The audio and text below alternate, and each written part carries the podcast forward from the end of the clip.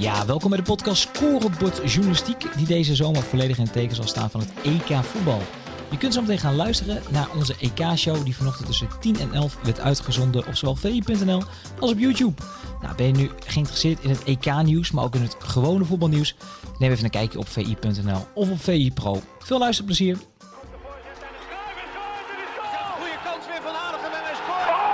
PSV pakt de Europa Cup. Kluivert, ja. Van Persie. Van Depay doet het met de Panenka. Goedemorgen, het is zondagmorgen 20 juni van het jaar 2021, vaderdag, voor degene die het vergeten mocht zijn, bijvoorbeeld de zoons. Eh, het is de dag voor Nederland-Macedonië en het is de dag na een aantal geweldige wedstrijden tijdens dit EK. Daarover praten we met Pieter Zwart, die eh, alles gaat doorlichten, samen met Alfons Groenendijk. En we hebben het binnenbuitenlandse nieuws van de Lentin. Daar zijn we helemaal bij met wat we het komende uur gaan doen. We beginnen zoals gebruikelijk voor ons met, met een foto die jij hebt uitgekozen. Welke is dat? Ja, dan, eh, dan gaat dat natuurlijk om, eh, om Eriksen. Eh, dat, dat heeft me enorm eh, aangegrepen, dat, dat moment zoals het bij iedereen natuurlijk heeft gedaan. Maar ja, ik vond dit wel heel indrukwekkend. Dat je de tegenwoordigheid van geest hebt om, dit te doen. Hè, dus om die jongen heen te gaan staan, dat zegt iets over de, de teamgeest, dat zegt, iets, dat zegt iets over moed. Dat zegt iets over ja, vriendschap. Ehm, ja, en ik, ik was daar bijzonder onder de indruk. Ehm, dat, dat, dat zij dit hebben gedaan, die Denen. Dat zijn voor mij helden. Ja. Als je maatje daar gereanimeerd wordt, onvoorstelbaar. Een zeer aangrijpend moment wat niet van je netvlies afgaat. Nee, nooit meer. En, eh, ik ken hem ook eh, uit de, uit de Ajax. Ja, je hebt bij Ajax jeugd met hem gewerkt. Een zeer, eh, zeer fijne jongen ook om, eh, om mee te werken. Maar eh, ja, weet je, als je dat ziet, dat, dat, ja, dat kan je bijna niet bevatten, zoiets. Maar Nee. gelukkig gaat het, eh, gaat het weer eh, naar omstandigheden goed. Ja.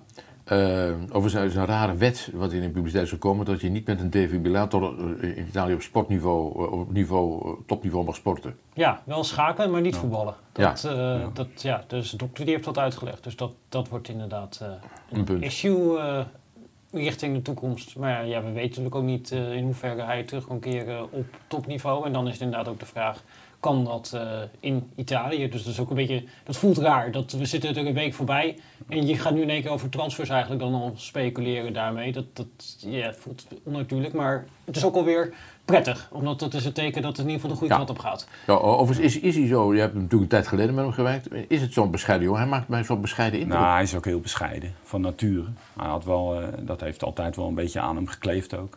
Ehm, hij had wel wat brutaler mogen zijn, denk ik, want het is echt een topspeler. Dus ik denk iedereen op de toekomst was het erover eens dat het een van de beste spelers was in de jeugd die daar ooit gelopen heeft. En ja, dat, eh, dat kun je natuurlijk ook wel zien aan de transfers die hij gemaakt heeft. Maar ehm, hij is niet eh, super brutaal van zichzelf uit. Nee. En die defibrillator, die, eh, ja, die is inderdaad in, in een aantal landen, mag je daar niet mee spelen. Ik heb dat natuurlijk met Canon meegemaakt bij ADO. Ja, Een aantal, die had ook zijn kastje. Bij een aantal landen mag dat gewoon niet en eh, is dat verboden. ja, want die is toen naar Egypte gegaan, er was nog een, was nog een punt of je daar wel mocht voetballen. Ja, er zijn een aantal landen waar het wel is toegestaan. Ik heb me daar toen natuurlijk ook een beetje in eh, moeten verdiepen. En ehm, een aantal landen die zegt gewoon echt van, eh, is als absoluut uitgesloten. Ja. We, we gaan even kijken naar de uitslagen van de wedstrijden van gisteren voor zover nodig. Want de meesten van u kijken al die wedstrijden. Nou, dat waren, ik zei het al, prachtige wedstrijden. Het was 1-1 bij Hongarije. Frankrijk had ik me niets van voorgesteld, maar het tegendeel was waar. Portugal-Duitsland was een spektakelstuk, 2 tegen 4. Daar gaan we straks over praten. En Spanje-Zweden, eh, Spanje-Polen was 1 tegen 1 met eindelijk de goal van Lewandowski en Morata. En die Spanje heeft het nog steeds heel moeilijk. Vervolg komt zo. Ehm Laten we die stand er eerst even bijpakken. Die pool is dood. Dat is leuk. Dan geeft dat een mooie kapstok om verder te praten. En misschien kan Lente daar met de media op ingaan. Ja, dit is de zogenaamde pool is dood die gisteren actief was. Ja, eh, ze hebben allemaal nog kans. Hoewel Duitsland speelt in eh, München tegen Hongarije. Maar Frankrijk-Portugal in Boedapest. eh, dat blijft toch een eh, buitengewoon eh, uitdagende wedstrijd. Zeker, dat is wel echt iets om naar uit te kijken in deze pool. Dit is ook wel echt de pool, de enige pool denk ik waar je echt topvoetbal hebt gezien. Twee toptegenstanders tegen elkaar, dat zag je ook nu weer bij Portugal-Duitsland. Ja, dat, dat, dat is wat je, wat je wil zien op zo'n eh, EK. Ja, daar word je gewoon heel vrolijk van als je dan naar dat niveau kijkt, zelfs voor Frankrijk-Duitsland. Ja, dat heb jij ook, hè? Ja, Maar nou, ik ben, wie eh, niet, trouwens. Ja, ik ben wel he- echt enorm onder de indruk geraakt gisteren van die Duitsers. Hoor. Die spelen Portugal in feite de eerste 20 minuten al compleet ondersteboven. En je zit, ik denk dat wordt 4-5-0 en ineens staat het 0-1. Ja. Dat was tegen alle verhoudingen in, maar ik heb ze toch maar weer in mijn favoriete top 3 gezet. Samen met uh, Italië en, uh, en de Belgen. Toch, op basis van uh, de kwaliteit. Dus ik ben benieuwd of ze weer finale gaan spelen. Ja, we komen er straks uitgebreid terug. Eerst gaan we even naar Lentin. Voor welk nieuws begin je mee? We gaan het uh, eerst hebben over Spanje. Want uh, nou dat viel toch een klein beetje tegen natuurlijk weer uh, gisteravond.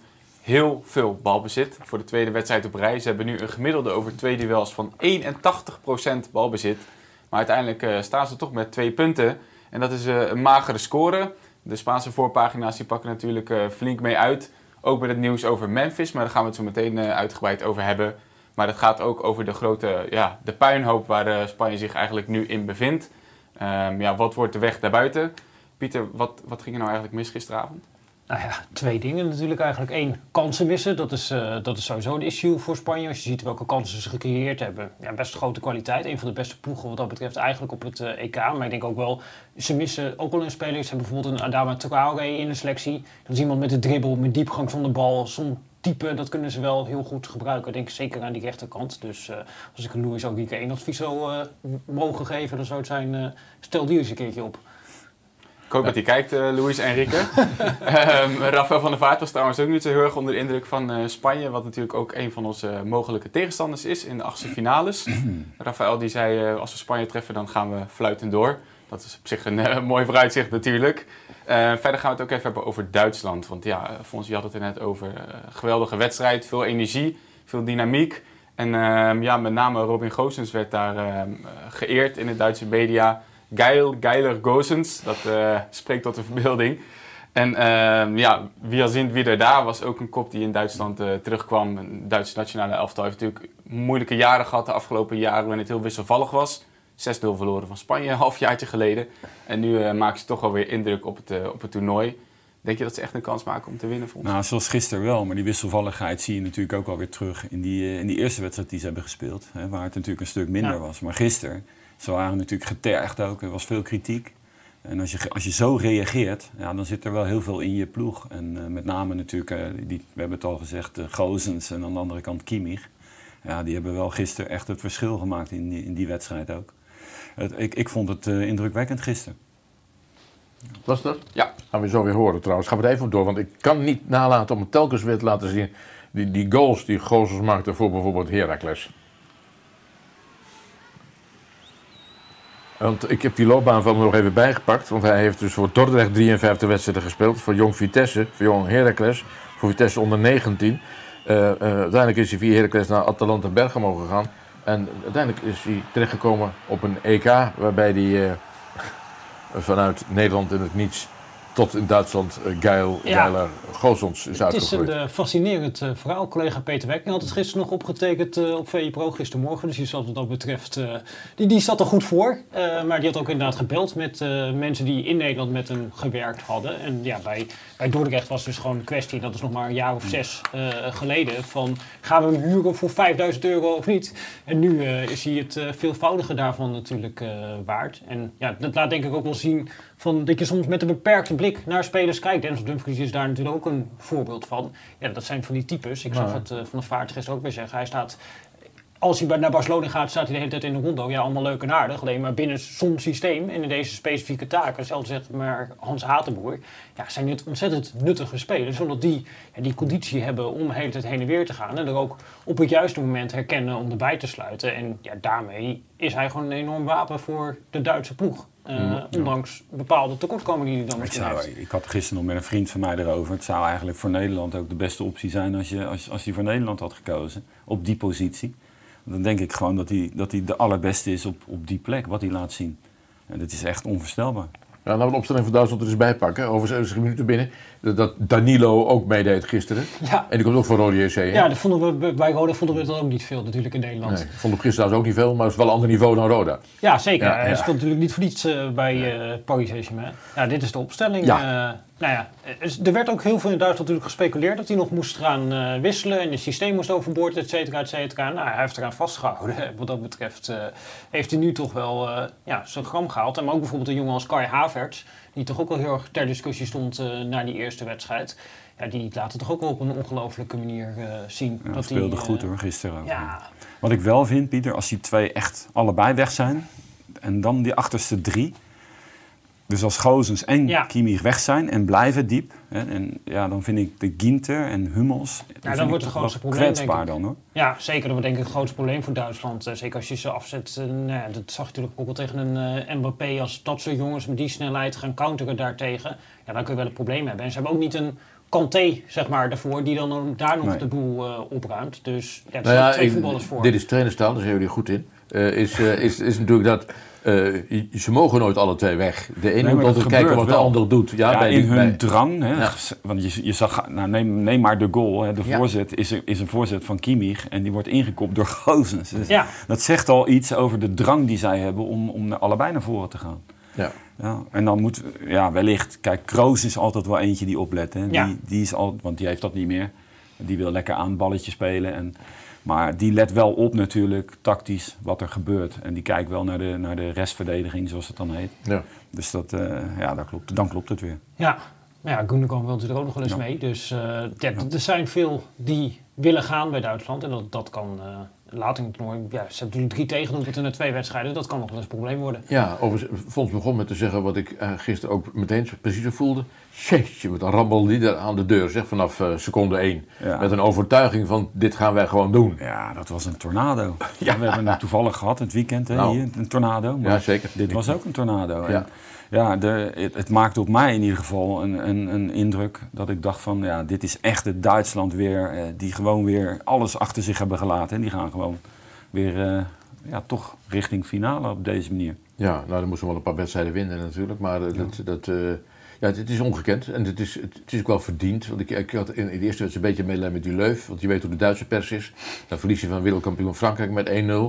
Uh, heb je ook nog heel veel werk verricht hè, als Duitsland, meer dan Frankrijk vind ja. ik. Nee, en dan krijg je die kritiek. Ja, ja. dan uh, krijg je alles uh, weer uh, over je heen. En dat is natuurlijk al een paar keer gehad, Joachim Leu. En ja, nu hebben ze geantwoord. Maar ja, ik moet het nog wel zien in de eindfase. Met name waar we het over hadden met die achterhoede. Van of ze nou echt topfavoriet zijn. Qua veldspel behoren ze daar zeker toe. Maar ja, voetbal is natuurlijk ook vooral in toernooien vanaf de nul kunnen spelen en doelpunten kunnen voorkomen. En Duitsland heeft nog niet laten zien dat ze dat kunnen. Nee. Nee, dat is juist. Uh, maar jij zegt toch plotseling, ze zijn weer... Ja, voor mij, wat ik gisteren gezien heb, heb ik wel... Ja, je let op kleine dingen, signalen gezien dat ik dacht van ja, ze geloven er weer in. En als Duitsers ergens in geloven, dan weten we dat ook. Dan zijn ze tot alles in staat. En ja, dus ik uh, ben heel benieuwd naar de rest van het toernooi. Ja, dat, dat klopt. Die pool blijft natuurlijk buitengewoon boeiend. Uh, want ja, laten we wel wezen, ik, ik, had, wat ik net al zei, gedacht dat Hongarije uiteindelijk door de hoeven zou zakken en met 0-3 zou verliezen van Frankrijk. Nou, ik moet het niet meer voorspellen, want dat was niet zo. Nee. Ja, ik denk dat we het allemaal verwacht hadden, toch? Uh, bij Frankrijk tegen Hongarije. Ja, dat was wel een uh, kleine sensatie er nog tussendoor. En tegelijkertijd zullen ze misschien in Frankrijk ook wel denken van... Nou, we hebben in ieder geval vier punten binnen. We zijn waarschijnlijk door naar de volgende ronde. Eh, misschien een uh, salonremisetje tegen Portugal en uh, lekker verder in het toernooi. Ja, ik, heb jij iets, iets staan? Want ik, ik, ik, we vroegen ons af, hè, dat zei voor ons ook net, van de linkerkant met Gozens. Wat ja. deed Portugal daar nou tegen? Uh, nou, eigenlijk niks. Nee, eigenlijk niks. Inderdaad, het was tactisch overklast. Het deed me wat dat betreft een beetje denken aan uh, vorig jaar, die kwartfinale van de Champions League. Dit is niet uh, de goede, dit is de opstelling van Portugal. Ja, ze verdedigen eigenlijk meer in een 4-4-2. Portugal vaak. En dat, dan zag je eigenlijk hetzelfde als wat je eerder zag bij Leipzig tegen Atletico Madrid. in de kwartfinale van de Champions League was dat destijds volgens mij. Uh, dat ze aan de flanken totaal uh, overlopen waren. Dat heeft ook uiteindelijk gewoon te maken, want je kunt inderdaad Semedo uh, de schuld geven. Maar ik denk dat er eigenlijk nog veel meer de schuld is van de trainer. Nou, hier zie je dat. ze hebben natuurlijk vier verdedigers staan. En Duitsland speelt dan met eentje ja, eigenlijk aan de binnenkant. linker van de middenvelder en dan nog een linksback. En eigenlijk in al deze situaties zie je dat Semedo steeds twee tegenstanders heeft. Dus hij focust zich hier op Gnabry en dan komt Gozes, die komt in zijn rug. En ze kwamen eigenlijk steeds... Ja, Duitsland valt eigenlijk aan met vijf, met Kimmich, eh, die drie aanvallers en met Gozes. En daardoor ja, staan zij met vier eigenlijk met een mannetje tekort. En in al die situaties waar dan uiteindelijk Gozes gevaarlijk werd, dan kun je zeggen, ja, Semedo, wat ben je aan het doen? Ja, Semedo is eigenlijk daar iedere keer, hier zit hij ook te wijzen richting eh, Bernardo Silva van, hé, hey, let nou eens op, kan je die dit, Gozes komt Pieter, er kan je dit, dit, dit moment, hè, deze foto, Ja. dan zie je ook dat steeds Peppe nog vrij is. Klopt. Je kan op die momenten niet meer vrij zijn als, als centrale. Dus, dus je moet veel meer dan daar durven één op één te komen. Dan kan Semedo die kan wat, aan de, wat iets meer aan de rechterkant blijven en dan toch wat dichter naar Gozens. Want dat vergat hij steeds. Je zag ook Peppe steeds op het laatste moment, maar ook in die 16, dan in één keer stapt hij wel richting een man, omdat Vrij- hij dan nog de vrije man was. Ja, maar het is eigenlijk maar- te laat. Vrij Ja, laat, ik, ik, te ik, laat. Ik krijg nooit de indruk of dat echt gebeurt op televisie, maar eh, ik dacht toch op een gegeven moment, wanneer gaat die coach ook ingrijpen? Wanneer gaat hij dat eens duidelijk maken? Nou, Want- die is wel een beetje door het ijs gezakt dat hij dat in de eerste helft niet heeft ingegrepen. En eigenlijk in de tweede helft bleef het ook gewoon op die manier doorgaan. Dat, dat is heel vreemd om daar naar te kijken. Want ja, eigenlijk, dat is ook hoe Simeone dat uiteindelijk heeft opgelost. Ja, je moet dan in, in ieder geval in de laatste fase, richting je eigen 16, moet je met vijf man op een lijn gaan verdedigen. Want anders kom je gewoon een verdediger tekort. Ja. Nou, dat deed hij niet. Eh, ja, en dan ga je er op zo'n kansloze wijze vanaf. En juist van een defensieve coach zou je dan ook daar een defensieve wissel verwachten. Ja, eh, dat, dat klopt, dat is, niet, dat is niet gebeurd. Nou ja, ik ben, ja, daar ben ik het helemaal mee eens. Ik heb me ook zitten verbazen dat, dat, dat, dat, dat ze dat maar niet voor elkaar kregen. En dan zie je heel veel, en je ziet het nu ook in die foto's, zie je heel vaak nog gewoon dat ze nog een vrije man hebben. Tuurlijk is het lastig, hè, die, die, die, die twee die dan net even onder die spits spelen, ook die Havertz en Ja. aan de andere kant Knabry. Dat je, ja, je, het is ook heel moeilijk, hè. Moet je dat door verdedigen, doordekken of moet je nou juist in die zone blijven? Nou, daar, daar, daar hebben we het straks ook nog wel over natuurlijk, want dat zie je bij Nederland ook. Moet je dan, eh, ja, wanneer ga je dan doordekken? Dat zijn allemaal van die momenten. Als dat niet ja, precies op het goede moment gaat, dan kom je in de problemen. Ja. En met name dan gisteren aan die zijkant, ja, was natuurlijk... eh, Nou ja, die kopgoal van, van Goossens, daar zie je gewoon dat, dat Rafa Silva het opgeeft. Hè? Die Ja. loopt aanvankelijk nog mee. En je denkt op een gegeven moment bij ja, het zal, het zal toch wel. En die blijft staan. En Ik heb nog nooit een, een, een, een, een linker middenvelder, linker verdediger zo ontzettend vrij zien komen bij, bij zo'n situatie. Nee, ja, het gekke was dat het natuurlijk voortdurend gebeurde. Dus ja. Ja. hier laat je inderdaad, dat zijn vijf, zes momenten die je pakt. Maar je had 15 momenten kunnen pakken dat die backs eh, helemaal vrijkomen. En ja, eh, dan kun je op een gegeven moment ook niet meer de spelers de schuld geven. Maar moet je ook een keer naar de trainer kijken van ja, jij moet de organisatie neerzetten. Of moet je verplichten aan die buitenste middenvelders Ja, om mee te gaan. Ja, als je dat op kan brengen, dan is het ook geen probleem. Dan is het ook opgelost. Maar dan wel helemaal, hè, tot de... ja, Maar ja, dit werkt de suggestie dat tactisch de opdracht was van als hij jou voorbij gaat uit een bepaalde zone, dan moet je hem eigenlijk laten gaan. Ja. Alleen dan moet je wel iemand hebben die het dan op kan vangen. Ik, wil toch even naar Ronaldo, want waarom niet? Eh, eh, eh, die, die heeft een, een, nieuw record, want hij heeft, speelt zijn vijfde EK en maakte gisteren weer een goal. Eh, vijf EK's en dit, hè. 19 goals op EK's en WK's samen met eh Klose. Ook al zo'n, dat is een heel rustig fenomeen. Ronaldo is ietsje uitbundiger. Maar wel een ge- ge- geweldige, ge- geweldige prestatie van de man. Maar het is wel lastig om ermee te spelen. Nou ja, je ziet ook vaak momenten natuurlijk, gisteren in zo'n wedstrijd, dat hij geïrriteerd raakt. Ja. En dan is het ook echt eh, wandelen. En dan schakelt hij bijvoorbeeld helemaal niet meer om. Maar er zijn wel, wij- ja, we hebben hem ook ik heb ook wel eens beelden laten zien aan Geraldo Becker bijvoorbeeld bij ADO. Van kijk eens wat Ronaldo allemaal doet. En als die het doet, moet jij het ook doen. Het is niet helemaal dezelfde grootheid. Nee, maar om maar aan Ja, te ja. geven dat hij ook wel altijd wel... Hij had, was best wel bereid ook om hard te werken en om om te schakelen.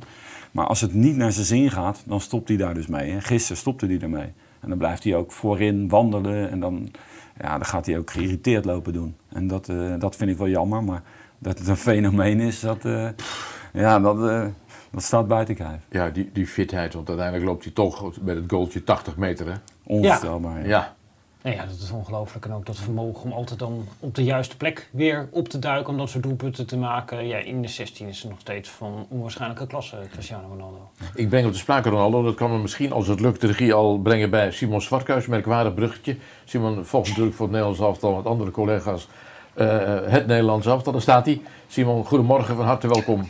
Eh, jij daar Goedemorgen. in Zeist. Goedemorgen. Hoe kom ik nou op eh, Ronaldo merkwaardig genoeg? Want ik zat deze dagen jouw boek met, eh, over Memphis Depay te lezen. Vanavond trouwens een documentaire over Depay op, eh, ik dacht Nederland 2, weet ik niet zeker. Maar uh, buitengewoon de moeite waard om te zien.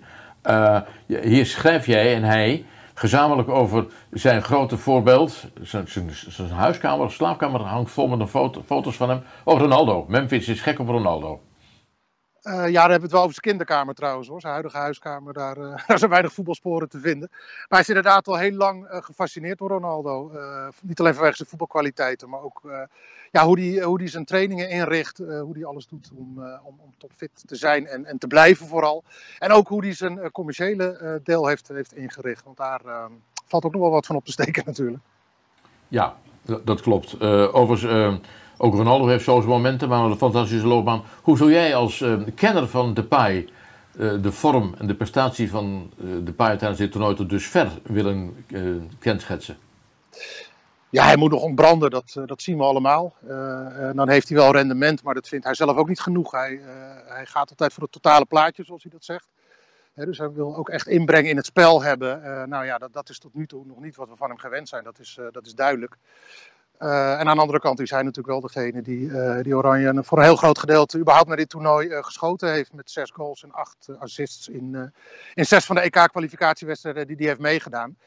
En um, ja, nou goed, dat, dat is waar hij naar op zoek is. En zelfkritiek is vrij, in vrij ruime mate aanwezig in deze hele selectie. En daar hij geen uitzondering op.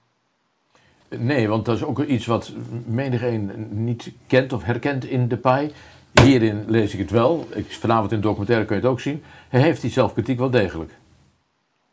Ja, absoluut. Ja, hij droomt uh, groot. Staat niet voor niks uh, van, links naar rechts over zijn hele borst, borstkas getatoeëerd. De Dream Chaser. En uh, ja, die, die grote dromen die wil hij najagen. En ja, hij weet dat je dan het uiterste van jezelf moet, eisen. En dat, dat alles top moet zijn de hele tijd. en ja, en daardoor verlegt hij zijn eigen grenzen. Dat, dat wou ik zeggen. En die, ja, die grens is nu dus opgeschoven naar, naar Catalonië. Ja, wat een, uh, een droomtransfer is met uh, Aguero die gekocht is en met Messi in zijn rug. Nou, ga er maar aan staan. Ja, nou goed, als je bang bent voor concurrentie, dan moet je lekker bij Telstar gaan voetballen. Maar um, nou ja, dit, dit hoort bij de uitdagingen ook die, die, die zelf graag aangaat. Hij vindt het mooi om met dit soort mensen überhaupt dagelijks te gaan trainen, maar ook om daar de concurrentiestrijd uh, mee aan te gaan. we hadden gisteravond nog even via de app contact en hij is, hij is vooral heel blij en, en, en, en dankbaar. Hij is van de week hier gekeurd in Zeist. Dezelfde procedure als met Gini Wijnaldum toen die naar Paris Saint-Germain ging. Dan wordt een club, uh, clubarts ingevlogen en die moet zich dan uh, volgens houden aan het protocol van de KVB. Dus die moet negatief getest zijn en die moet op, op afstand blijven. En, maar ze willen die jongens natuurlijk niet zo'n transfer ontnemen, want ze mogen die bubbel niet uit. Dus ze kunnen echt niet dat elders doen. En bovendien is het ook praktisch handig om dat hier op de KVB-campus te doen. Dus ja, dat is allemaal afgerond. En nou ja, na het EK kan het feest voor hem beginnen. Ja, heeft dat er misschien mee te maken dat hij toch iets minder speelt? Dat hij toch onbewust bezig is geweest met transfer in Barcelona? Want hij doet die zaken, heb ik tenminste begrepen, zelf. Nou, hij heeft daar natuurlijk uh, wel experts voor. Het is niet zo dat hij de hele tijd met Laporta aan het, uh, aan het bellen is. Het, het, was wel in de eindfase, deze, deze transfer. Dus die laatste details, ja, daar heeft hij zijn, zijn eigen specialisten voor. Een financiële specialist en een juridische specialist. Die handelen dat af. Natuurlijk uh, moet hij dan wel af en toe even zijn telefoon uh, in de gaten houden. Uh, maar ja, dat, daar kun je de voorbeelden bij pakken die je wil. Hè. Wijnaldum heeft hetzelfde gehad rond die transfer naar Paris Saint-Germain. En dezelfde, of de concrete belangstelling van hetzelfde Barcelona in de, in de periode daarvoor. Nou, volgens mij speelt hij tot nu toe een geweldige EK. Dus dat, nee, daar, daar zie ik geen verband. Nee. dan het Nederlands aftal. met een discussie gaan we straks in de studio hier ook natuurlijk voortzetten.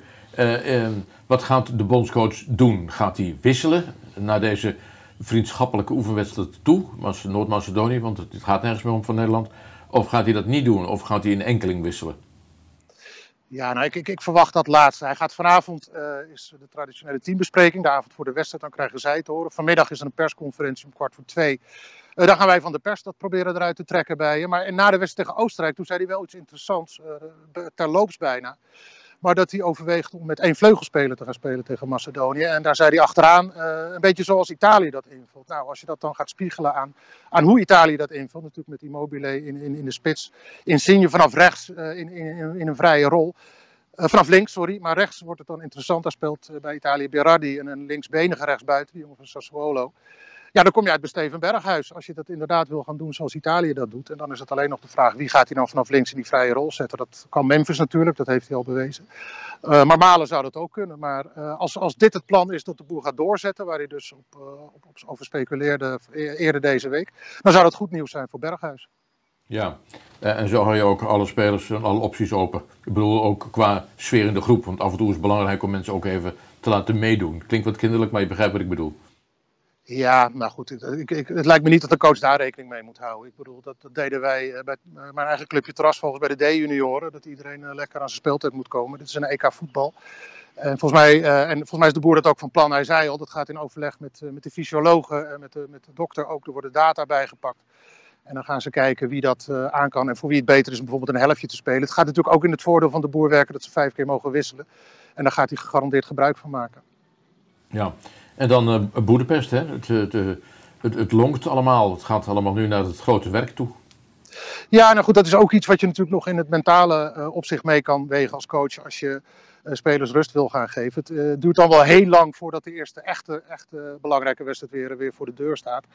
Eh, en je kunt die spanningsboog van jezelf opladen voor zo'n, voor zo'n wedstrijd en eh, daarna weer even uitrusten en dan eh, richting de volgende wedstrijd.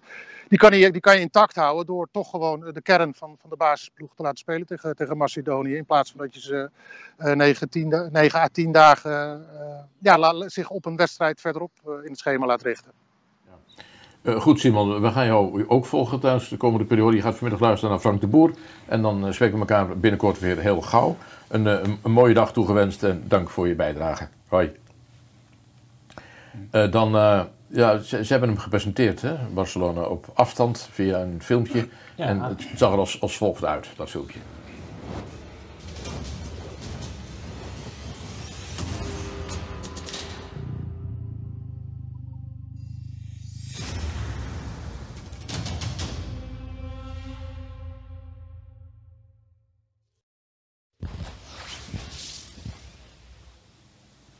Nou, het is sowieso een prachtige transfer. eh, eh, en, eh, en verdiend. Maar ik zei het al in de vraagstelling, dat wordt wel weer een probleem, nou een probleem, een luxe probleem voor Koeman. Hè? Ja, maar Koeman eh, sowieso natuurlijk de belangrijkste reden, denk ik. Dat, dat hij gaat. dat hij gaat. En ja, concurrentie hebben we het er allemaal over gehad. eh, dat is moordend. Maar het is wel een voordeel natuurlijk dat Koeman heel erg gecharmeerd van hem is. En hem ook kent als mens, als persoon, als speler. Dus dat gaat hem zeker helpen daar, eh, zeker in het begin. Ja, ik denk onder Ronald Koeman zal die eh, kansen gaan krijgen. Maar ja, het, het lastige is natuurlijk dat hele voortraject wat erbij heeft gezeten. Met ook Sergio Aguero, die natuurlijk op een rare manier binnenkwam. Dat hij zei, ja, ik heb überhaupt niet met de trainer eh, gesproken. Wat dan iets lijkt te suggereren over, nou ja, hoe belangrijk eh, is die daarin. En eigenlijk doe je twee aankopen voor dezelfde positie. Barcelona eigenlijk misschien ja, niet zo heel hard iets nodig had. Eh, dus ja, die heeft nu wel een enorm luxe probleem. En dat zal goed gaan, denk ik, zolang eh rond Koeman zit. Suleiman Usturk schreef er ook over op VI Pro. Maar ja, als die wegvalt, ja, dan denk ik dat Memphis wel eens het kind van de rekening zou kunnen zijn voor Barcelona. Nou, dat is wel een hele vroege conclusie. Hij moet nog beginnen. Hij moet nog inderdaad eh, beginnen, maar dat is natuurlijk wel, ja, dat is, het zie je natuurlijk vaak in het voetbal. Dat als een speler meekomt met eh, een bepaalde trainer en die trainer gaat op een gegeven moment weg, dat dan ook die speler meteen eh, in het verdomme hoekje komt. Nou ja, Klaas heeft tot op zekere hoogte ook meegemaakt natuurlijk bij Everton met Koeman, dat je van tevoren denkt, dit is een ideale match, een ideaal instapmoment. En dan één ding gebeurt en in één keer ja, sta je er helemaal naast. Dus wat dat betreft...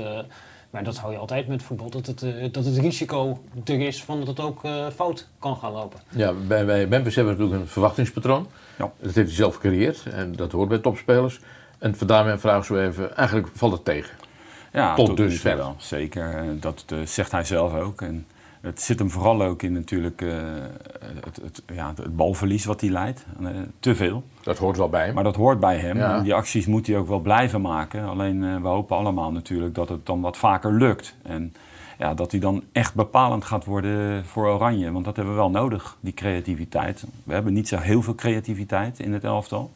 Berghuis speelt natuurlijk ook niet, normaal gesproken. En ja, ik vind het, ja, het is, dat is wel een, een punt van aandacht. Ja, het, is juist, hè. We Ja. verwachten ook wel heel veel van hem. Ja, hij kwam ook heel veel aan de bal tegen Oostenrijk. Hij slaagde er redelijk goed in om toen wel vaak vrij te komen tussen het middenveld en die verdediging van eh, Oostenrijk. Want die dekte die door op hem. Alleen dan, als je dan gaat kijken, ja, wat doet hij daarmee? In hoeveel rendement haalt hij daaruit? Ja, je hebt die ene fantastische paas eh, richting eh, die 2-0, waar hij dat dan wel laat zien. Maar heel vaak maakt hij dan de verkeerde keuze.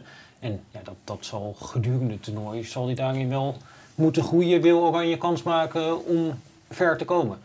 Ja, ik zei van, eh, zou toch nog die transfer meegespeeld hebben. Maar misschien is dat ook alweer een beetje, net zoals het terrasvogelsverhaal van Simon, een beetje te romantisch gedacht. Ja, ja, ja dat, is, dat is een beetje speculeren. Je kunt niet uh, Nee. in, uh, in zijn hoofd uh, kijken. Maar ja, uh, we gaan het zien in de komende wedstrijden of die, uh, of die die lijn naar boven in kan gaan zetten. Heb jij de kijkersvraag over toevallig? Zeker. Die gaat over uh, Berghuis inderdaad. Want Simon uh, suggereert Ja. dat hij mogelijk uh, in het elftal komt. En de vraag is van Jos, wat voegt hij toe? Creativiteit en misschien ook wel een afstandsschot, Pieter? Ja, hij, kan natuurlijk, eh, dat, hij heeft heel vaak gescoord van uh, buiten de 16. Nou, dat heb je in Nederland niet heel veel van die spelers uh, in de selectie die dat kunnen. Maar ik ben wel benieuwd, ook als je dan praat over de Italië-variant, van ja, hoe wil je dat dan gaan doen met Berghuis? Want wij spelen natuurlijk rechtsback. Zij spelen op rechtsback spelen zij eigenlijk met een derde centrale verdediger. Die komt er gewoon bij in balbezit en die gaat daar dan staan. Wij spelen rechtsback met Denzel Dumfries en die staat daar in de trambaan, zoals Alex Pastoor uh, noemde. Dus die staat ook rechtsbuiten ja, als je met Dumfries speelt, dan kun je niet met Berghuis spelen in die tactiek. Dus ik ben wel benieuwd hoe hij dat dan ja. wil gaan oplossen. Ja, kan wel, maar dan moet je tegen Dumfries zeggen dat je moet hij, blijven. Ja, dat hij niet te vaak moet komen. Ja, of dat hij alleen moet komen als Berghuis de bal hebt. En dat hij of naar binnen kan met links schieten of meegeven aan Dumfries die daar dan komt. Maar als hij te hoog staat, ja, dan, uh, dan lopen ze inderdaad elkaar in de weg. Wat zou jij nou als trainer in zo'n situatie? Zou je veranderen of zou je Nou ja, zoveel mogelijk hetzelfde houden? Ik, ik zou niet uh, te veel veranderen. Um, we hebben dat de afgelopen toernooien gezien, bij het Nederlands elftal ook. Dat dat niet zo goed is uitgepakt ook. Dat je een compleet ander elftal neerzet. Maar je schept ook weer verwachtingen. Stel het wordt een show. Uh, dan krijg je ook weer verwarring. Er zijn uh, een hoop spelers nu die weten hun plaats. Nou, dat, dat kan daardoor weer veranderen. Dat geeft weer onrust. Misschien weer binnenbrandjes blussen. Ik zou uh, gewoon spelen met deze groep waar je mee van plan bent ook de volgende wedstrijd te spelen. Dan blijven ze ook in het ritme. De volgende wedstrijd is pas, ik dacht een dag of vijf later. Nee, is het, is het de 27e? Ja, er zitten zes dagen Ja. tussen en dat zijn dus vijf volledige rustdagen. Ja, en nou, fysiologisch is het zo, zijn we voor een artikel ook ingedoken, even met fysieke experts eh, gebeld. Dus ja, je hebt drie dagen nodig eigenlijk om te herstellen van de wedstrijd. En je hebt normaal gesproken natuurlijk wel eens een schema eh, in clubvoetbal waar het donderdag, zondag is. En dan heb je eigenlijk te weinig hersteltijd. Op een EK is dat niet het geval. Dus die spelers zijn eigenlijk volledig hersteld en die kunnen in dit ritme spelen. Dus fysiek gezien is er geen enkele aanleiding om spelers te Ja, je bent daarin gedoken, hè? Waarom, waarom de coach niet hoeft of moet maar wisselen. dat, Ja. dat bedoel ik dus eigenlijk ook. Dan is het ook niet nodig, fysiologisch gezien. Dus dan zou ik het al helemaal niet, eh, niet doen. Had je nog meer redenen om het niet te doen? Dat wist Nou je? ja, je hebt bijvoorbeeld ook als je in de story duikt. eh, we spraken met eh, eh, Colin eh, de Graaf van Heracles Omelo, de conditietrainer. Nou, die was er ook in gedoken. En die, die was gaan kijken van ja, teams die dan zo'n toernooi winnen. Ja, hoe leren die ook veel? En als je dan bijvoorbeeld kijkt, Spanje 2012, die hebben tien spelers. Die zijn gewoon alle wedstrijden zijn ze in de basis eh, gestart. En dat geldt eigenlijk voor bijna al die toernooiwinnaars. Dat ze gewoon ja, allemaal spelers hebben die gewoon iedere wedstrijd gespeeld hebben. En de keren dat Nederland het wel heeft gedaan, eh is eigenlijk twee keer dat we het echt flink hebben gedaan. Dat is tijdens het WK 2006 en het EK 2008. En beide keren lagen we er meteen de volgende ronde uit. Dus eigenlijk, ja, al het bewijs eh, wijst erop van je moet dit niet gaan doen. En je moet het zo weinig mogelijk doen. En eigenlijk alleen de uitzondering op de regel. Dus misschien een speler die dan toch pijntjes heeft, last heeft en die je tegen zichzelf in bescherming moet nemen omdat je anders risico met hem zou nemen. Ja, die kun je een keer op de bank zetten. Of een speler die ja, op het punt staat om eh, geschorst eh, te gaan worden. Dat is Martin de Roon in ons eh, geval. Nou, da- daarvan zou je kunnen zeggen, nee, dan Ja. neem je het risico niet mee. Dan heb ik even de opstelling erbij die jij, naar mijn idee, hebt ingeleverd over wat jou misschien het Ja. beste lijkt als opstelling. Die heeft er misschien mee te maken. Hebben we die, de opstelling van Fons? Dus deze, ja. Ik heb hem hier ook liggen. Nou, je- het, is een klein, het zijn accenten die anders liggen en één speler. Nou ja, er zijn twee spelers eh, inderdaad Twee, ja. eh, die ik dan eh, zou wijzigen. Diezelfde mensen achterin met, met de keeper. Dus ook wel de vijfmans verdediging. Maar met name al omdat je met drie centralen speelt, denk ik dat een extra controleur in, in de, in de- met de naam De Roon niet per se hoeft. Ik denk dat Frenkie daar ook uitstekend kan spelen en dat hij dan ook de architect is van zo'n beetje elke aanval die begint. Ja, en ik ben wel gecharmeerd van eh, twee mensen die erbij kan komen. Je ziet ook een soort box hè, voorin. Met, eh, met vier eh, spelers. Gravenberg kan erbij komen, Wijnaldum. Ja, alle, allebei jongens met een groot loopvermogen. Incidenteel zelfs Frenkie de Jong zelf. Hè, dan zal Wijnaldum blijven. Ja, en ik ben fan van Malen. Al heel lang. Dus met, met zijn snelheid, als ik een beetje voorsorteer op, op de rest van het toernooi...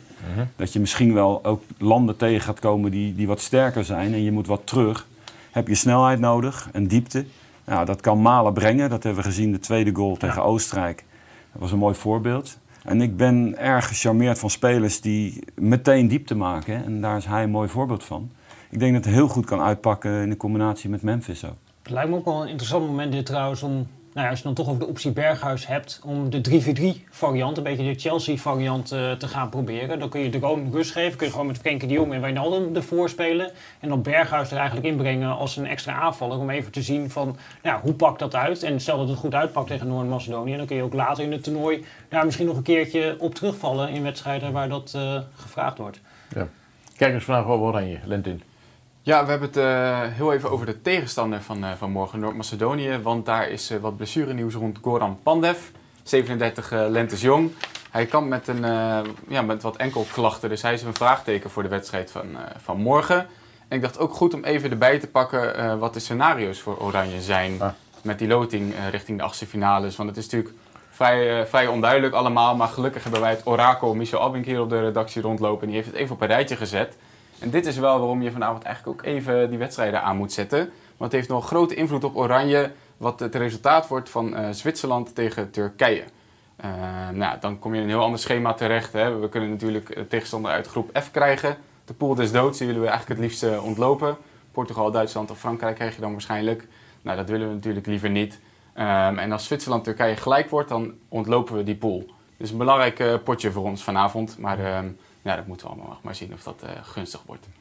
Ja, ik, ik begrijp het nog steeds niet, maar, Nee, dat, eh, niemand, denk ik. maar dat, eh, ik, ik, wacht wel, ik wacht het wel af. Ja. Dat is het makkelijkste, hè? Had je nog een vraag van kijkers over het Nee, die komen, die komen wel binnen, maar die gaan we zo behandelen. Dat gaan we zo doen. Oh, goed, wat we zeggen? Nou ja, dat, het is uiteindelijk is het dan best wel simpel vanavond. Ik, tenminste, ik begrijp, we moeten hopen Nee, Zwitserland weer niet. En dan de Italië, die moet, eh, die moet niet Ja, nee, maar dit- ik, bedoel, ik, ik denk dat ik het wel kan begrijpen, maar de zin als Zwitserland en Turkije moet niet gelijk worden, want dan lopen we Portugal. Ja. Yes, sir. Dat, eh, Ja, ja, dat Dan, is, dat is, dat, dat is inherent aan die scheve opzet met die beste nummers drie. Dan, Ja. ja. ja, dan gaan zoveel dingen invloed op elkaar hebben dat er bijna geen touw meer aan vast te knopen is. Nee, daarom moeten we het maar lekker afwachten. Daar ben ik het mee eens. ja, dat is makkelijker natuurlijk ook gewoon. Hè. Trouwens, eh, eh, eh, zag ik hier ook dat we de opstelling van Noord-Macedonië hadden staan tegen Oekraïne. Ja, overigens viel die strijdlust van, van eh, Noord-Macedonië viel mij nog bijzonder op hoor. Ja, Want eh, ik dacht, ja, die, die hebben de eerste wedstrijd verloren, die hebben geen kwaliteit.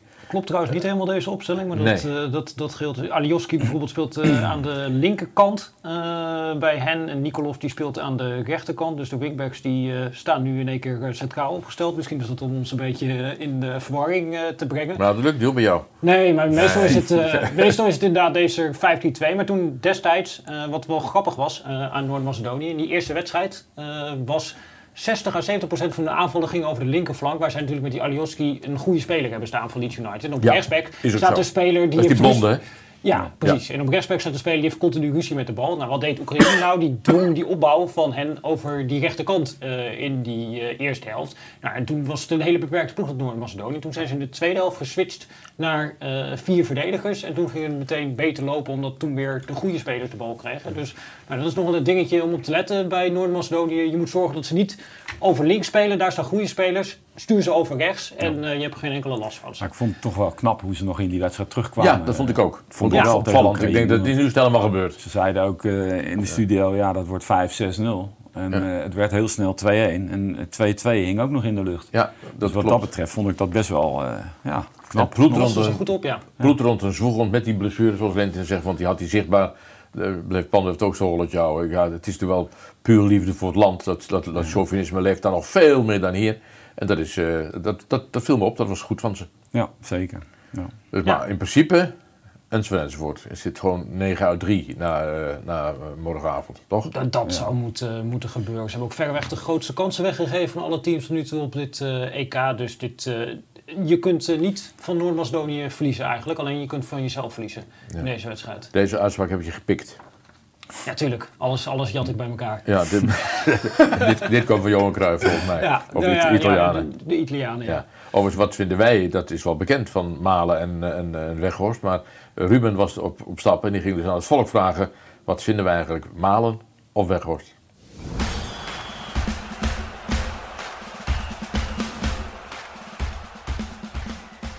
Moet Frank de Boer aan zijn opstelling gaan puzzelen tegen Noord-Macedonië? Moet hij iets gaan uitproberen? Moet hij plan B gaan uitvoeren? of plan A? Nee, ik denk wel plan B. Dat hij gewoon een aantal spelers rust moet geven. Ja? En kijken wat hij eh, nou, voor de achtste finales kan uitproberen. Ik zeg, eh, als Frankie luistert. Frankie, luister even. Als je gewoon 4-3 speelt. Ik ben geen vliegtuig, maar ik ben wel een, eh, een soort coach, een Haagse coach. 4-3 spelen. Malen linksbuiten, Memphis in de spits. Berghuis rechtsbuiten en gewoon vol op de aanval. Nee, gewoon vasthouden, dezelfde jongens. Ja? Geen, eh, geen andere opstelling? Nee, nee, het verleden heeft inderdaad bewezen was 2008. Pakte niet goed uit, dus eh, gewoon hebt- vasthouden inderdaad. En het is nog wel wat voor verbetering vatbaar, dus eh, dit wedstrijd, ja, zo'n wedstrijd kan geen kwaad. Ik persoonlijk zou liever een 4-3-3 zien. Ja? Ja. Dat vind je aanvallender? Ja, vind ik aanvallender. En ik denk dat Weghorst dan ook beter uit zijn spel kan komen met twee eh, buitenspelers die hem, die, hem, die hem aan kunnen geven. 4-3-3, eh, 5-3-2, 3-5-2. Nou, 4-3-3 is goed. Ja? Niet 5-3-2. Ik denk dat het goed gaat met 3-5-2. Daarna kan je dan weer door eh, met dezelfde opstelling. Je vindt het aanvallend genoeg of vindt u het te verdedigend? Eh, we spelen dan met vier spitsen als de twee eh, verdedigers buitenom komen. Je kan wisselen, maar dan moet je gewoon beginnen met malen. Oké. Dat sowieso beginnen met malen en dan misschien wisselen aan het einde. Met eh, Luc de Jong nog inbrengen. Als ze 1-1 staan. Maar voor Ja. de rest eh, denk ik dat het zo goed is. Dus 5-3-2 kan... of 5-3-2 is veel te, veel te laf voetbal. Gewoon 4-3-3 spelen. Gewoon hup, Haagse mentaliteit erin. Hup, kom op. Wat, ben jij, wat, was, was- wat is jouw voorkeur als coach eigenlijk? Welk systeem? Nee, ik, ik, ik zie eh, in deze groep zie ik wel, eh, ja, dit systeem zie ik wel. Ja hoor. En eh, vooral hoe ik het net zelf heb aangegeven, met, ja, met, met ook wel diepte. Ja, dan denk ik wel dat je, je moet ook als, als Nederland zijnde, moet je ook wel verdedigend enige zekerheid inbouwen. Want je komt dadelijk echt wel tegen landen dat je dat ook echt wel nodig hebt. Nou, da- Daarbij zie ik een soort vergelijking met wat jullie in het begin aanroerden met, met Duitsland. Hè? Waar je ook nog niet zeker weet hoe het defensief zal gaan. Nee, het is helemaal niet. het- Ik vind het geen schande in het eh, internationale voetbal om, om het zo te doen. En vooral ook de, de- met die twee backs eh, die dan continu ook erbij komen en mogen komen. Ja, dan heb je ook aanvallend eh, wat wapens natuurlijk. Dat heb je ook bij de Duitsers gezien. Dus ik, ik vind het, eh, ja, dat, dat past wel in het, in, het, eh, in het moderne voetbal ook. En als ik al jouw stukken begrijp, eh, ben je ook wel een voorstander met dit team van 5-3-2. Dat denk ik wel. Ja, kijk, je kunt eh, in de uitvoering van dit systeem, daar kun je natuurlijk nog van allerlei dingen op aanmerken. Daar kijken ze zelf natuurlijk ook eh, voortdurend naar. Tenminste, ja, je hoort ze dat iedere wedstrijd eh, evalueren en je ziet dan langzaam wat dingen veranderen. Dus de uitvoering kan misschien nog wat beter. Maar ik denk, als je echt kans wil maken om ver te komen, ja, dat je het op deze manier moet doen. Omdat eh, met vier verdedigers, dat is gewoon wel gebleken, is dit team gewoon te kwetsbaar achterin. En dan kun je het vergeten om zo'n toernooi te winnen. Plus, ja, we hebben ook geen goede buitenspelers eh, van topniveau. Berghuis eh, is natuurlijk een hele goede speler in de Eredivisie. Alleen hij heeft ook een clausule van 4 miljoen. Wat voor buitenlandse topclubs is dat natuurlijk een schijntje. En niemand pikt hem op. Ja, dat heeft ook een reden. Toch niet. Nou ja, nog niet inderdaad. Maar, Maar ik begrijp niet dat jij eh, je tactisch inzicht eh, koppelt aan de transferwaarde van de speler. Nou ja, eh, meer ter indicatie. Kijk, we hebben natuurlijk geen buitenspelers nu van niveau Arjen Robben, die in, Nee. in de internationale top speelt. We hebben buitenspelers die goed zijn in de Eredivisie. Cody Gakpo, ook heel goed eh, in de Eredivisie. Nou, die kun je zeker gebruiken. Nou, tegen Noord-Macedonië zouden ze eh, fantastisch zijn. Dan komen ze heel goed eh, tot hun recht. Maar bijvoorbeeld ook Memphis Depay, ja, hij speelt bij zijn club vaak ook meer in een centrale rol. Doet verdedigen niet altijd wat. Ja, dat is toch een beetje een probleem. Als je dat linksbuiten gaat zetten. Stel je voor, je zet hem tegen, linksbuiten tegen Joshua Kimmich eh, als we 4-3 gaan spelen. En die dendert er de hele wedstrijd overheen. Ja, hoe ga je dat dan als Nederlands elftal zijn eh, verdedigen? Ik, ik zie niet helemaal in hoe je dat eh, zou willen gaan doen. Hetzelfde, dat hebben we natuurlijk gezien tegen Italië met zo'n Spinazzola. Die dendert er ook de hele tijd overheen. Ja, toen hadden we ook een gigantisch probleem. Heeft het te maken met jouw analyse die we nu laten zien, die Falco? Nou, dat, dat is Ja. meer een eh, puntje van aandacht, denk ik, richting de komende wedstrijden. Dat heeft te maken met ja, de manier waarop we dit 5-2-systeem uitvoeren. Van, ik denk, dat is misschien nog voor verbetering vatbaar. En dat is dat we verdedigen toch nog wel heel erg, en dat is een beetje een Nederlands ding, mandekking spelen. En dat je ze heel erg georiënteerd ziet ten opzichte van bepaalde spelers. In plaats van dat wat in dit systeem zeker op eigen helft heel goed kan, is zones afschermen. En zoals je hier ziet, zie je iedere keer centrale verdedigers helemaal meegaan met de directe tegenstander. Waardoor er toch ja, enorme gaten ontstaan in die organisatie. Die heel ongebruikelijk zijn eigenlijk voor dit systeem spelen. Het is ook heel makkelijk tegen Nederland eigenlijk om in die zone voor de drie centrale verdedigers te komen voor een tegenstander. Omdat Marten de Rode en Frenkie de Jong die lopen heel veel achter hun directe tegenstander aan. En dan ja, komt die ruimte open te liggen. En ik denk, als Nederland ver wil komen, dan is dat een aspect wat echt nog verbeterd moet gaan worden. Ja. Ja.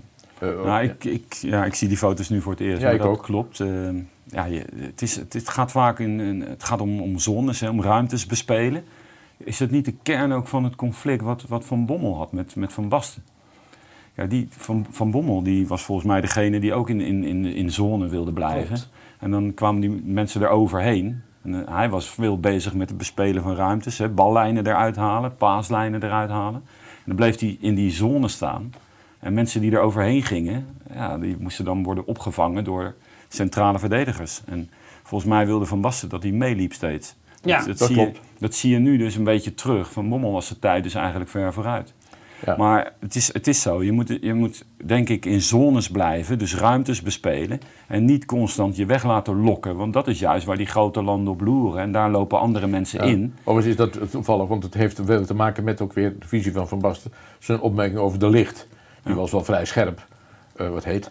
Eh, hij heeft nog niet bijgeleerd in Italië. Er was één moment waarbij hij zich laat niet weglokken en de ruimte eh, vrij kwam. Dat is in Marco zijn denken dus niet mogelijk. Nou ja, het, is- het is een beetje tegenstrijdig. Ja. Want dat, dat vind ik dus eigenlijk apart. Want daar ging dus dat hele conflict om. Ja. Kijk, dat, dat, dat Van Bommel zei, ja, ik blijf juist in die zone, in die, in die, in die positie.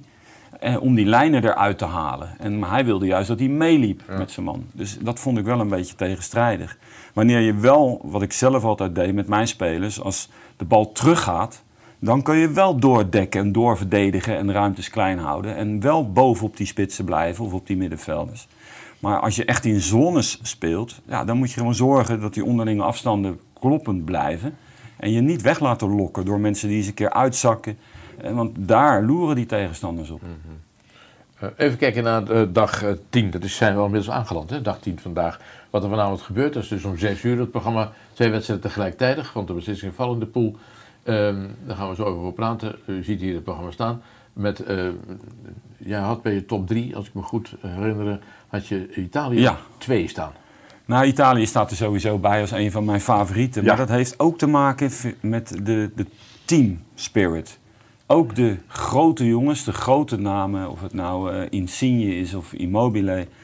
Alles en iedereen werkt kei en keihard voor elkaar. En dat vind ik echt opvallend. Dus bij Italië, ja, buiten het plezier wat ze uitstralen, zijn ze topfit. Ik, ik zie ze maar gaan en ik zie ze maar lopen, dat 90 minuten lang. Ook jongens zoals Insigne bijvoorbeeld, hè, die, die, die gewoon tot in zijn eigen 16 terugverdedigt. Hele goede team spirit. Ehm, ja, ik zie Italië ver komen in deze vorm. Nou ja, het is gewoon een duidelijke ploeg met een idee. En daar zijn ze heel succesvol in om dat eh, uit te voeren, dit eh, Italië. En dat is ja, heel leuk om naar te kijken. Maar ik ben nog steeds bij Italië heel erg benieuwd van ja, wat, wat gebeurt er op het moment dat de tegenstander een keer een oplossing heeft voor die Spinazzola als eh, linksback. Dat trucje wat zij eigenlijk iedere keer doen.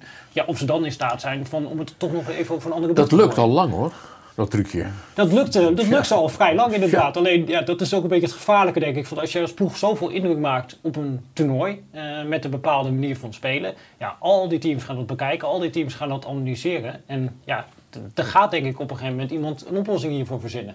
Ja. Nou ja, je moet wat, wat, ja, wat gisteren gebeurde, denk ik, eh, met Portugal. Dat was eigenlijk het mooiste voorbeeld. Ja. Met Semedo. hebben, die knijpt dan zo naar binnen. Ja, dat, dat, dat moet je niet doen. Je moet daar iemand in die zone laten. En dan vang je zo'n back gewoon op. Eh, ik denk dat dat de oplossing is. En dat doe je makkelijker als je met een lijn van vijf speelt. Ja. Hè? Simeone.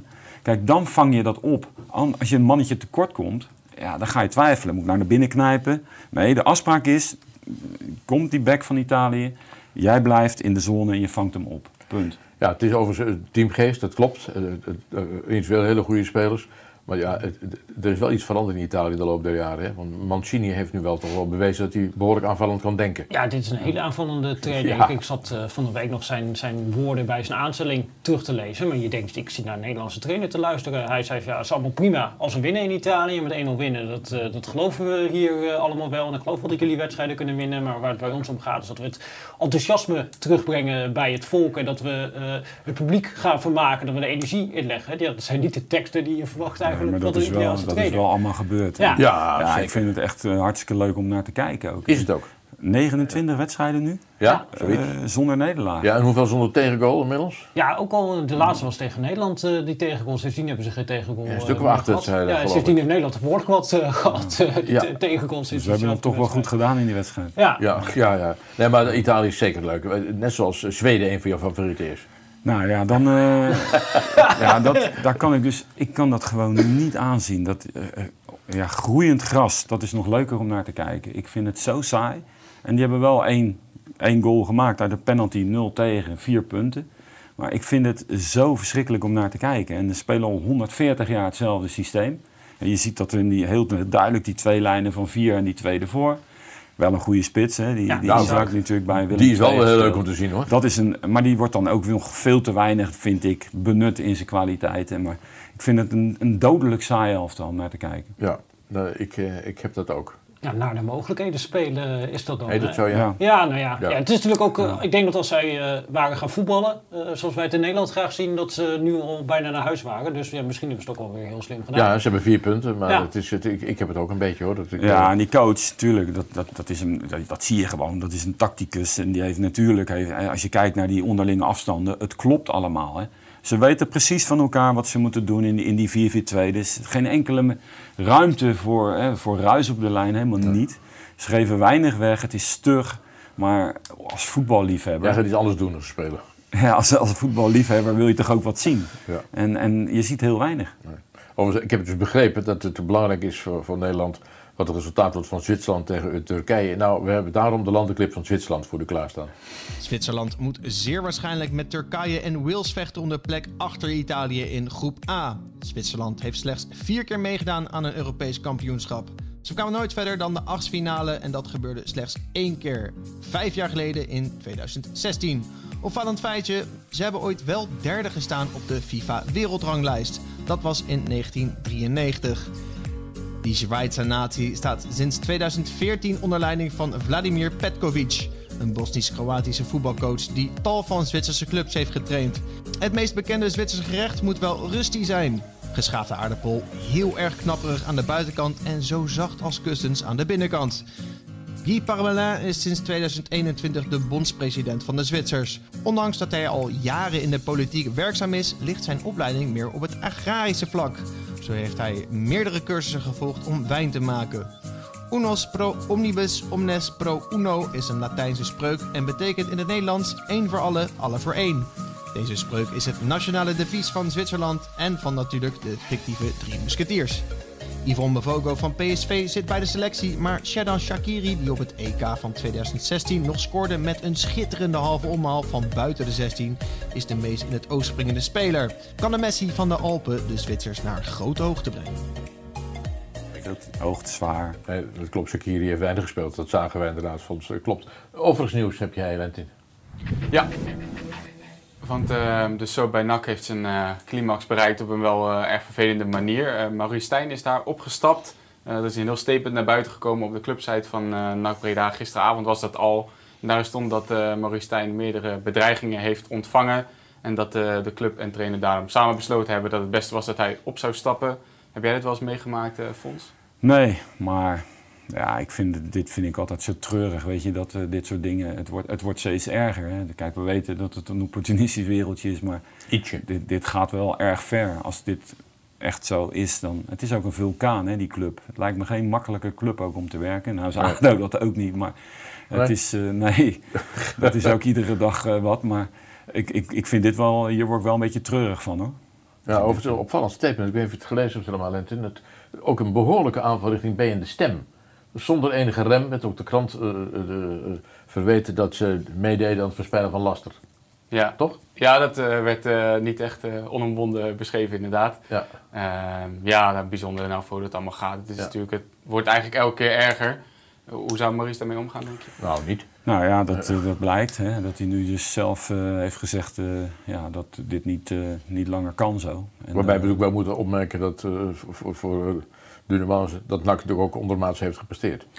Nou ja, eh, tot op de laatste dag eh, meegedaan om promotie. En eh, zelfs de finale tegen NEC. Ja, dat is zo. Ja, ik, ik zie ze eerder winnen op een gegeven moment als dat ze nog die goal tegenkregen. Maar ja, als ze gepromoveerd waren, hè, zo, zo dicht ligt dat dan bij elkaar, dan was hij nu waarschijnlijk de held geweest.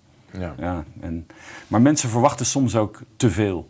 En ja, dat, dat verwachtingspatroon vind ik bij NAC niet stroken met de realiteit en de kwaliteit van de selectie. Nog nieuws uit eh, Engeland, want Jadon Sancho lijkt de eerste megatransfer van deze zomer te gaan worden. Eh, Manchester United heeft een nieuw bod neergelegd bij Borussia Dortmund. Het zou rond de 88, 90 miljoen eh, bedragen. En nou ja, dat lijkt me een flinke, flinke som voor Jadon Sancho, die overigens nog geen minuut heeft gespeeld dit EK voor de Engelse nationale ploeg. Zou het een goede toevoeging zijn, Pieter Sancho bij United? Nou, dat eh, denk ik wel dat dat een eh, hele nuttige speler gaat zijn. Als je ziet wat hij op zijn jonge leeftijd al als rendement haalt als buitenspeler, dan eh, ja, is dat een, eh, een hele logische, goede aankoop, denk ik, voor eh, Manchester United. Ja, en voor een vriendenprijsje. hè? Nou ja, vriendenprijsje. Ik, ik heb het niet op mijn bankrekening staan, maar eh, blijkbaar verdient het goed daar achter die desk. Ja, een plekje, ja. zeker. Dat was het? Ja. Ja, nou ja, hallo, de wereld is toch gek geworden. Het, het zal wel. Ja. 90 miljoen, 100 miljoen. Dumfries is ook wel al hond, zo, zoveel miljoen waard. Nou, dat vooral in Engeland natuurlijk. Als ik Ja. die verdedigers zie. Nou ja, Kenneth Perez zei het gisteren. Die zei van, eh, ze hebben zoveel welvaart dat ze het, het, het woord opleiden kennen ze niet meer. Want Nee. ja, de- misschien hebben we wel een leuke bek in de eigen jeugd die het kan geworden. Nee hoor, 50 miljoen voor een nieuwe linksback. Nou ja, gelukkig zagen, zagen we die ontwikkeling wel een beetje bij, eh, bij Chelsea. Met Lampard, noodgedwongen. Maar Ja. daar kwamen wel in één keer allemaal jonge spelers door. Waar Chelsea ook nog wel veel plezier aan, eh, aan heeft. En ook nu de Engelse elftal wel. Hè, met, met bijvoorbeeld die Reese aan, aan Ja. de, aan de rechterkant. Maar kijk, dienende spelers. Heel veel dienende spelers in het Engelse elftal. Die ook, als je die centrale neemt. Stones of Maguire, dat soort gasten. Voor, voor 70, 80, 90 miljoen. Ja, Maguire was Eh, geloof ik 90 Maar dat miljoen. zijn dienende spelers. Bij alle topclubs spelen eh, in feite de, de mensen die het moeten doen, de creatievelingen. Eh, en wat hou je over in het Engelse elftal? Ja, Mount is creatief. Eh, misschien een, een Sterling, maar daar heb je het eigenlijk Foden. al. Foden is natuurlijk een, een, Ja, een die wel, topspeler. ja. Maar voor de rest zijn het allemaal dienende spelers. Neem dat middenveld. Dienende, dienende jongens, geen spelmakers. En, en ja, dat, dat, dat, dat, dat mis ik een beetje in, eh, in, in Engeland. En dat is een gevolg van dat je altijd maar die topspelers uit het buitenland haalt. Ja, dat, dat, dat is zeker een... Ja. Daarom Kane- vind ik Kane word ik ook nog niet erg warm van, hè, tot dusver. Trouwens, niemand geloof ik in Engeland. Nee, Ja, die, eh, dat is een beetje de kop voor Jut nu eh, Ja. bij eh, Engeland. En dat is ook typisch hoe het in Engeland natuurlijk altijd gaat. De verwachtingen worden enorm opgepompt. Eh, alle druk wordt op eh, de schouders van die jongen gelegd. En dan vervolgens ja, kan hij dat niet maar waarmaken. Wat volgens mij ook gewoon een beetje te maken heeft met dat het team niet functioneert. Het is geen spits die vanuit het niet zelf doelpunten kan creëren. Dus die moet gevoed worden. Ja, die wordt niet gevoed. En dan krijgt hij de schuld dat hij niet gevoed wordt. Terwijl ja, daar kan hij denk ik volgens mij niet zo heel veel aan doen. Nee. Nee, dat klopt. Nou, het, is, het, het, is, het is ook geen. Nee, ik, ik mis daar weer van alles in het Engelse elftal. Het sprankelde niet dusver, Nee, cliché totaal niet. nee. totaal Alleen de spelervattingen die zijn ongelooflijk onwaarschijnlijk eh, topniveau. Dat is, je, je, je kijkt naar het spel in balbezit, dan denk je, daar hebben ze niet op getraind. Daar hebben ze nog wel op getraind. Nou, de spelervatting, zelfs de inworpen, de- daar zitten patronen in. Dat is ja, van echt Nou, top, top, top niveau. Dat klopt, want ik, dat heb ik toevallig ook eh, gezien eh, bij een aantal momenten dat inderdaad Sterling in één keer van buiten naar binnen loopt. En die, die zet dan eh, iemand voor de goal. Ja, dat, dat is eh, wel degelijk getraind. Ook een simpele ingooi. Ja, daar halen zij heel veel rendement uit. Ja. Ja. Nou, ik ben heel nieuwsgierig hoe dat verder gaat. Want eh Engeland-Schotland vond ik toch verrassend hoe eh, de armetierige Schotten daar op de been bleven hoor. Ja. Ik heb met, met genoegen naar gekeken. Ja, dat blijft altijd mooi natuurlijk, die, eh, Ja. die, die vechtlust. En eh, ja, dat, dat, dat, dat hoort een beetje bij Schotland. En daar heb je ook gelijk eh, alles mee gezegd dan. Ja. Ja. Lente, de laatste kijkersvraag. Ja, we hebben een eh, superchat binnen en eh, daar zit een felicitatie voor jou bij, eh, Kees. Ik weet niet of het voor Vaderdag is of vanwege je nieuwe functie. Maar vaderdag kan ik niks doen, dat gaat vanzelf. dat gaat vanzelf. Ja. Je hebt hem in elk geval binnen. En de vraag is, stel Nederland gaat 4-3-3 spelen, is Weghorst dan niet gewoon de ideale spits voor dat systeem? Nou, maar die gaan geen 4-3-3 spelen. Dus ja, misschien tegen Macedonië, maar zeker niet in de loop van het toernooi. Dus ja, daar hoef je er ook niet over na te denken. Nee, dat scheelt. Ja. Nee, dat- toch nog daarop inhakend op deze vraag. eh, eh, ik, ik, zit daar, ik, ik heb daar een beetje moeite met die gang van zaken. Eh, Weghorst zat niet bij de selectie. Komt er uiteindelijk bij en wordt basisspeler. Nou zou je hem na misschien anderhalve wedstrijd weer willen vervangen voor Malen. Hoe zou Weghorst, toch al een lastige jongen emotioneel, daar nou mee omgaan? Nou ja, het gaat ook niet gebeuren, denk ik. Ik denk dat Frank hem wel degelijk gewoon laat staan. Alleen, als je mij dan vraagt eh, naar een opstelling... Kijk, ik ben een liefhebber van een type Malen. Ja. Dat is iets anders. Ik ben geen bondscoach. En dus ja, Weghorst gaat waarschijnlijk gewoon spelen. Alleen, of, hij- ja, of die dan bediend wordt nou, van de zijkanten... Dat antwoord is nee, dat weten we al. Maar hij maakt wel een goal, ook van de week, eh, ja, uit een soort halve kluts of zo, Ja. dat hij hem Ja. binnenschiet. Ja, dat is ook Weghorst. Ja. Dus, en het zal hem een zorg zijn of hij van de zijkant komt of, of vanuit een scrimmage. Maar in de 16 weten we dat hij gevaarlijk is en maakt hij een goal. Dus ja, waarschijnlijk eh, gaat hij gewoon eh, spelen. Ja. Je bent geen bondscoach, je was wel even kort eh, werkzaam bij Al-Wahdi.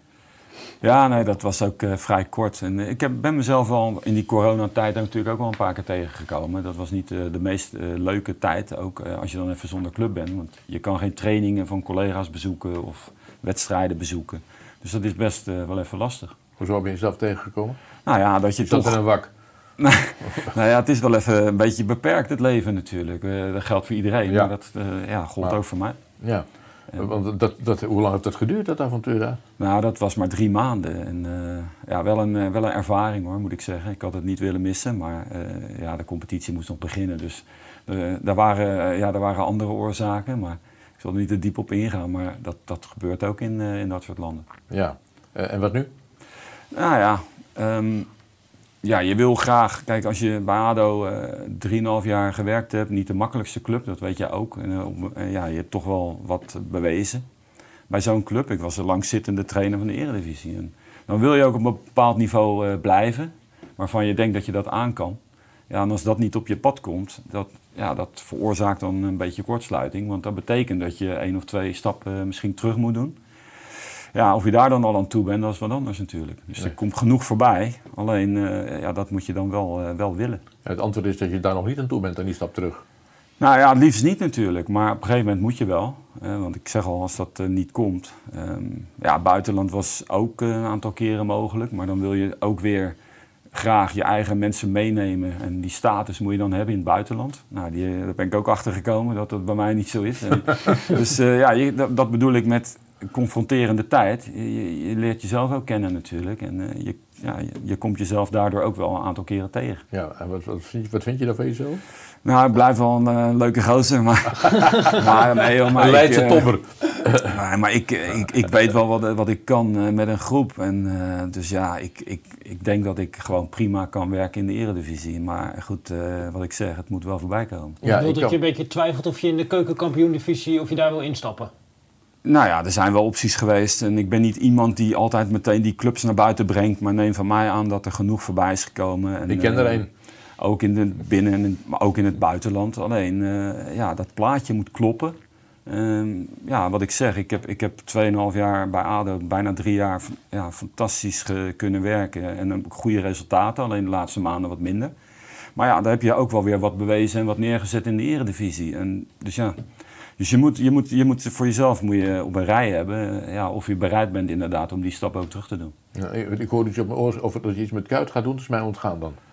Oh, dat weet ik niet. eh, nee, niet, eh, niet dat ik weet. Oh, nee, nee, ik begrijp de vraag niet op mijn oor, maar dat komt door... eh, Maar je mag me nog één keer stellen op mijn oor, dan begrijp ik hem misschien.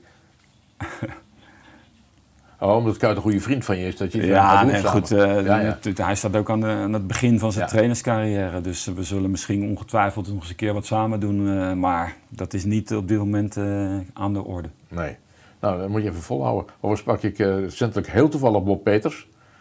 Eh, be- bekende spits in Nederland, een, een volksheld in Ja, België. En een buurman voor jou in Spanje. Ja, ja, dat hoef je niet te vertellen, maar daardoor sprak ik hem.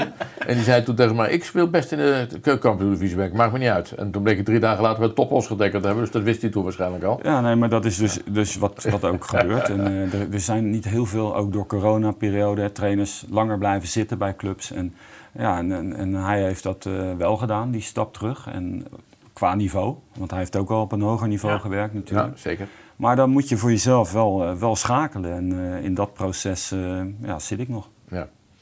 De mensen succes mee. Het is toch niet te zwaar, hoop ik, soms? Nee, helemaal niet zelfs. Alleen, ja, ik volg alles natuurlijk ook voor op de, ja, Radio 1, eh, noem het allemaal. gehoord, ik, zit, er- ik zit er bovenop en ik, ik vind het leuk om het allemaal te volgen. En dus voor mij gaat, er, gaat het ook wel weer, wel weer komen. Zeker weten. Goed, dank voor je komst. Blijf het volgen. Doen wij namelijk ook. Allemaal bedankt. En een mooie dag toegewenst bij dag 10 van het EK voetbal 2020. Nu midden in 2021. Goede kans weer van Aardigem en hij scoort. Oh, de goal! Pakt de Europa Cup. Kluivert, ja! Van Persie, en die komt erin! Ja! Van Depay doet het met een Panenka.